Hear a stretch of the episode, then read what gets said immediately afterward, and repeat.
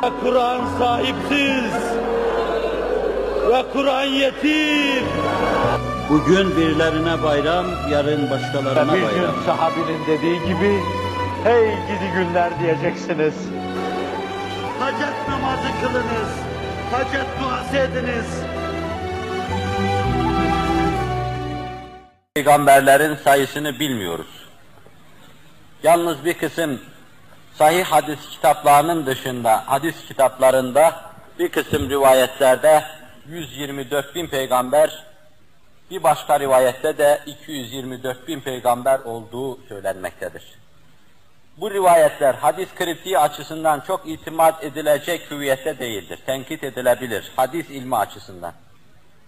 124 bin peygamber olsun, 224 bin peygamber olsun. Esasen peygamberin sayısı da çok mühim değil bir bakıma. Mühim olan husus şudur. Allah hiçbir devri boş bırakmamış, her devre peygamber göndermiştir. Yalnız bu sorunun içinde bir husus daha var. Bilmem ki o kağıtlar içinde var mıdır? Bu da sorulur sık sık. Gönderdiği bu peygamberleri dünyanın çeşitli ülkelerine, çeşitli mıntıkalarına göndermiştir. Nas'ı kat'isiyle ve in min ümmetin illa halâ fîhâ nezîr buyurmaktadır. Hiçbir millet yoktur ki içinde onları eğri yolun encamından sakındıran bir nebi zuhur etmiş olmasın buyurmaktadır. Kur'an'ın bu kat'i nasıl gösteriyor ki, yeryüzünde milletin diye zuhur eden her milletin içinde peygamber zuhur etmiştir. Bunun böyle olması kat'idir zira başka bir ayette Allah şöyle ferman etmektedir.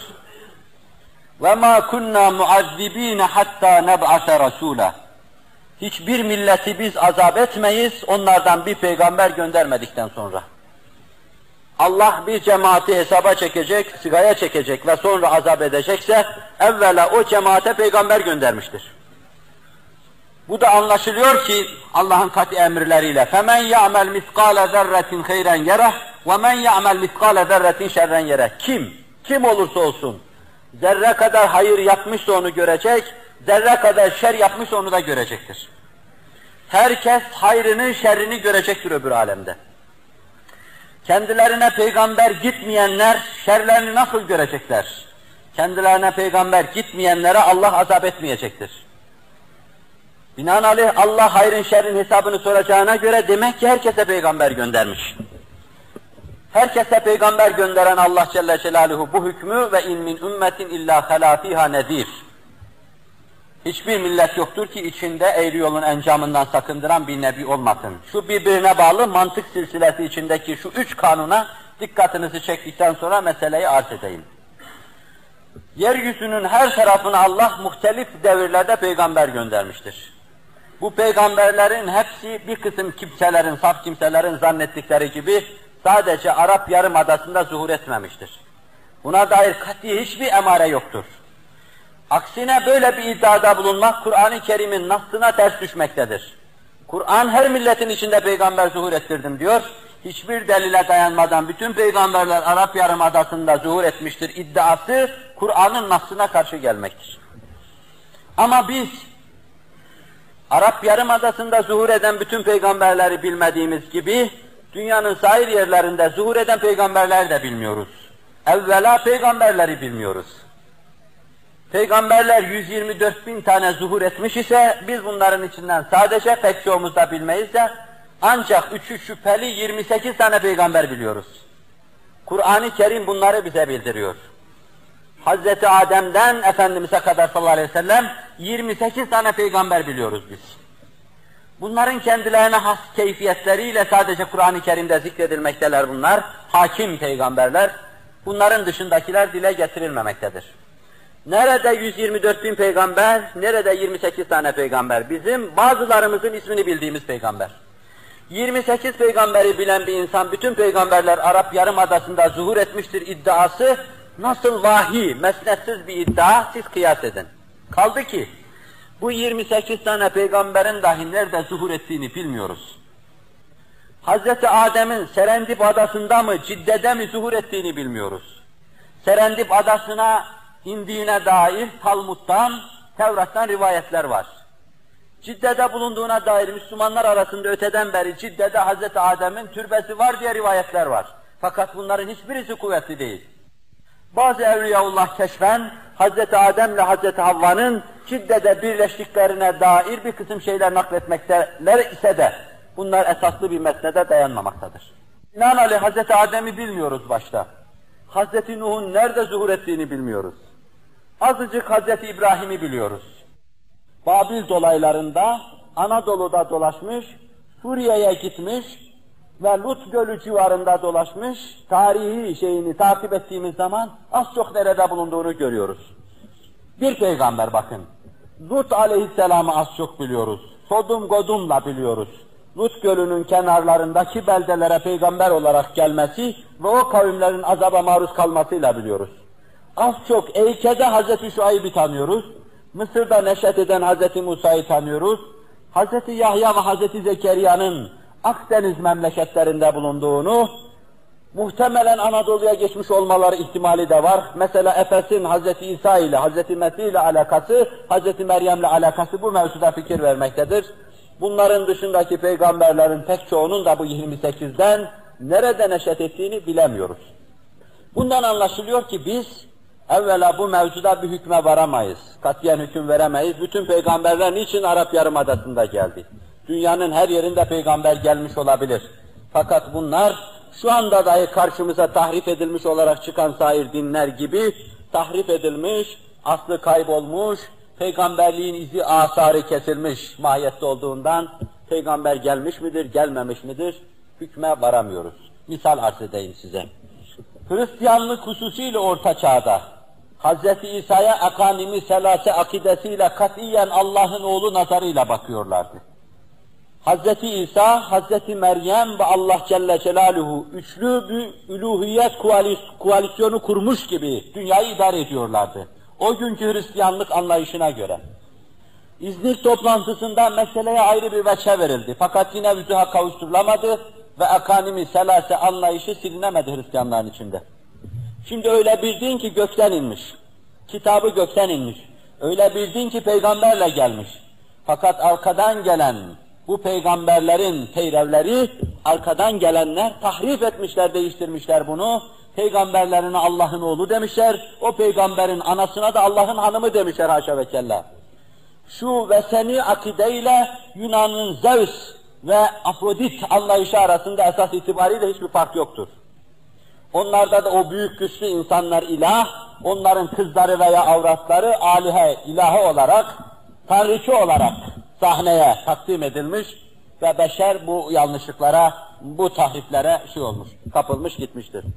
Şayet Kur'an-ı Kerim Hz. Mesih'in Allah'ın peygamber olduğunu bize söylemeseydi, Hz. Meryem'in çok azize bir kadın olduğunu söylemeseydi, biz Hz. Mesih'e ve Hz. Meryem'e, Zevs'e ve Afrodit'e baktığımız gibi bakacaktık. Anlıyor musunuz? Demek ki pek çok dinler var ki, sonra etbaları tarafından tahrif edildiğinden, ilahi hüviyet tamamen silinmiştir bunlardan. Onun için bir peygamber gitmiş midir, gitmemiş midir, katı hüküm veremeyiz. Belki bakın, demiyorum ben Konfüçyüs bir peygamberdir. Dinler tarihinin bu mevzudaki beyanatına inanmayın. Bunlar derleme toplama şeylerdir. Ama tarihte bir Konfüçyüs vardır. Bir Buda Gotama vardır. Bir Brahma dini vardır Hindistan'da hususiyle. Bunlar çok kalabalık cemaatler için hüküm fermi olan dinlerdir. Şu andaki hüviyetleriyle bunlarda beşeri, fıtri ve tabi olmayan yanlışlıklar, inhiraflar görüyoruz. Sığıra tapma gibi şeyler görüyoruz, kendini yakma gibi şeyler görüyoruz, Gökilerin yaptığı gibi altı ay bir şey yemeden mezara girip yatma gibi şeyler görüyoruz. Belki aslında bunlar da Hazreti Mesih gibi hak peygamberdi, bilemiyoruz bunu. Belki diyorum, belkime dikkat buyurun. Belki hak peygamberdi onlar. Belki bu dinler haktı. Tıpkı Hristiyanlığın tahrif edilmesi gibi, Yahudiliğin tahrif edilmesi gibi tahrif edile edile bu hale getirildi. Ve nitekim İslam dünyasında Müslümanlık da sağından solundan kırpıla kırpıla aynı kuş haline getirilmektedir. Birisi içki içerken, başka af buyurun ahlaksızlığı irtikap ederken, zinayı yaparken, yine de bütün Müslümanlığı yaşıyor gibi kendisini görmesi, ameli sahada esasen bu tahrifin ifadesidir. Onun için katiyen reddedemeyiz. Konfüçyüs peygamber değildi. Katiyen peygamber de diyemeyiz. Çünkü peygamber olmayana peygamber demek küfürdür, peygamber olana da peygamber değildir demek yine küfürdür. Bunun gibi Avrupa'da da zuhur etmiştir. Hiç bilemeyiz. Sokrates'in hayatı bize tam intikal etmemektedir. Bir Yahudi filozofu mudur, başka mıdır bilemiyoruz. Daha ziyade ırkçılık esasına müstenit kimseler, öyle devlet kuranlar, o türlü yazarlar daha ziyade onun bir Yahudi olduğunu hükmetmektedirler. Ama tarihi vesikalar Sokrates'in bir Yahudi olduğu mevzunda bize kanaat vermemektedir. Cinsi sapık olduğu, homoseksüel olduğu hususunda ifadeler vardır. Ama bu mevzuda da kat'i bir yakınımız yoktur. Eflatun'un kendisinden naklettiği şeylere bakılırsa Sokrates diyor ki, benim gözüme bazı şeyler görünüyordu. Halüsinasyon olabilir. Bana insanlığın irşadı için bir şeyler telkin ediyorlardı. Ben çocukluğumdan beri biliyordum ki, bütün insanları Allah'a tevcih etmek, insanlara Allah fikrini getirmek için ben vazifeli bir insan olacağım biliyordum. Binaenaleyh, Sokrates'in söylediklerinde de bir hakikat payı varsa, belki fikre, felsefeye daha yatkın, daha uyumlu Avrupa'da bir Avrupa stili peygamberin zuhur etmiş olması söylenebilir. Dikkat buyurun. İtina ile sözleri arz ediyorum. Sokrates'e peygamberdir demiyorum. Çünkü değilse küfre giderim. Peygamber değildir de demiyorum. Ama bir olabilir ihtimaliyle meseleyi anlatıyorum. Niçin diyorum? 124 bin peygamber gelmiş, biz bunların dört tanesinin nerede olduğunu biliyoruz, diğerlerini bilmiyoruz. Ama muhbir-i sadık Hz. Muhammed Aleyhisselatü Vesselam her yerde zuhur edebileceğini söylüyor bunların. Bununla beraber size dünyanın çeşitli yerlerinde adını sayısını bilemediğimiz bu peygamberlerin zuhur ettiğine dair bir kısım emareler arz edeyim. Bunlardan bir tanesi. Bugün Riyad Üniversitesi'nde matematik hocası. 10 sene evvel kıdemli bir doktordu, matematik doktoruydu. Tahmin ediyorum şimdi profesördü, mütevazi. Kerkük Türklerinden çok Müslüman sağlam bir insan. Adil Bey adını da söyleyeyim. Doktorasını Amerika'da yapmıştı. Ben diyordu, bana şahsen anlattı, orada zencilerle, yerli kabilelerle görüştüm. Bu kabileler arasında bazen öyle prensiplerle karşı karşıya kaldım ki, bu prensipler aynen bizim üluhiyet akidemize tıpatıp uyuyor. Gördüm ki bu kabileler arasında diyorlar, Allah'ın eşi ortağı yoktur. Çünkü esasen üluhiye şirketi reddeder. Bu kainat iki ilaha verilir, verilirse karıştırılır. Bu mana ele alındığı zaman لَوْ كَانَ ف۪يهِمَا عَلَهَةٌ اِلَّا اللّٰهُ لَفَسَدَةَ manası çıkıyor. Eğer bir peygamber bu manayı fısıldamasa insanların kulaklarına, insanların bunu bilmesine imkan yoktur. Ve yine onları dinledim. Diyorlardı ki, Allah doğmaz, doğurmaz. Çünkü esasen doğma, doğurma meselesi bir aczın, bir zaafın ifadesidir. Bu bir eksikliktir esasen. Fani şeylerin hassasıdır bu. Allah beşere ait hastalardan münezzeh ve mukaddestir. Peygamber onların kulağına bu mesele üflemese, aklın bu noktaya varmasını insan düşünemez. Binaenaleyh o iptidai kavimlerde, hala ateş dansı yapıp yaşlıları kesip yiyen o cemaatler arasında, böylesine çok derin, köklü ve ancak mütekamil milletlerin fikrinde rastlayabileceğimiz bir üluhiyet akidesini bulmak mümkün değildir. Belli ki dıştan onlara üflenmiş ve telkin edilmiş. Asrımızda yaşayan fikir adamlarından bir profesör var. Bu herhalde esas menşei Trablusgarp. Mahmud Mustafa veya Mustafa Mahmud. Bu ateizmden dönmüş bir insandır. Daha evvel Karl Marx'ın müthiş müdafi iken birdenbire Kur'an'ı tetkik ettiği, İslam esasatını tetkik ettiği an birdenbire 180 derece bir dönüş yapmış. Küfürden füze hızıyla mescide gidivermiş bir insandır. Hayattadır bu zat ve elimizde her sahaya dair yazdığı eserler vardır. Bu da böyle bir seyahatini naklediyor. Diyor ki ben Afrika'da yamyamların, tamtamların, kabilelerin adını söylüyor. İşte mesela Çilingo kabilesiyle karşılaştığımda onlarla görüştük, konuştuk. Ben sordum onlara neye inanıyorsunuz? Dediler biz öyle bir mabuda inanıyoruz ki o gökte durur yerde her şeyi idare eder.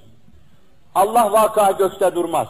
Fakat öteden beri Er-Rahmanu alel arşisteva ayet-i ifade ettiği gibi ilahi emirler ve ilahi hükümler gökten gelir. Onun için nazarlar ve eller göklere doğru kaldırılır. Ve yine gördüm ki aynen ihlasın manasını söylüyorlar. Allah her şeyin ona dayandığı ve onun hiçbir şeye dayanmadığı bir varlıktır. Allah öyle bir varlıktır ki o bir babadan anadan gelmemiştir. Ve Allah öyle bir varlıktır ki kimseye baba anne de olmamıştır. Allah öyle bir varlıktır ki onun eşi menendi de yoktur. İhlas-ı Şerif'in manasını söylüyorlar gördüm. Bunlarla iktifa etmedim, başka bir kabileye gittim. Çilot kabilesi. Onlara sordum siz neye taparsınız? Mesela çalap gibi bir şey dediler. Böyle değil yani. Çalap esasen Türkçe'de Tanrı demek. Böyle bir şey inandıklarını söylediler. Ben onlara da sordum. Üluhiyet anlayışınız nedir dedim. Gördüm ki en mütekamil cemaatlerin kitabı olan Kur'an-ı Muhyüzül Beyan'ın gayet safi olarak verdiği tevhid dersi gibi tevhid dersi biliyorlar. Ama aynı adamlar arızalı, hastalıklı, yaşlı kimseleri, alil, mariz kimseleri kesiyorlar, yiyorlar zayi olmasın diye.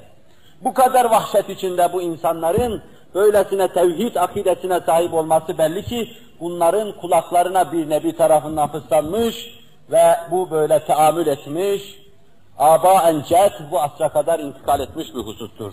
Eğer realite, eğer Kur'an-ı Kerim'in emri, eğerse bizim bu mevzudaki yetersizliğimiz katiyen gösteriyor ki sayısını bilmesek bile dünyanın pek çok yerlerine pek çok peygamberler gelmiştir.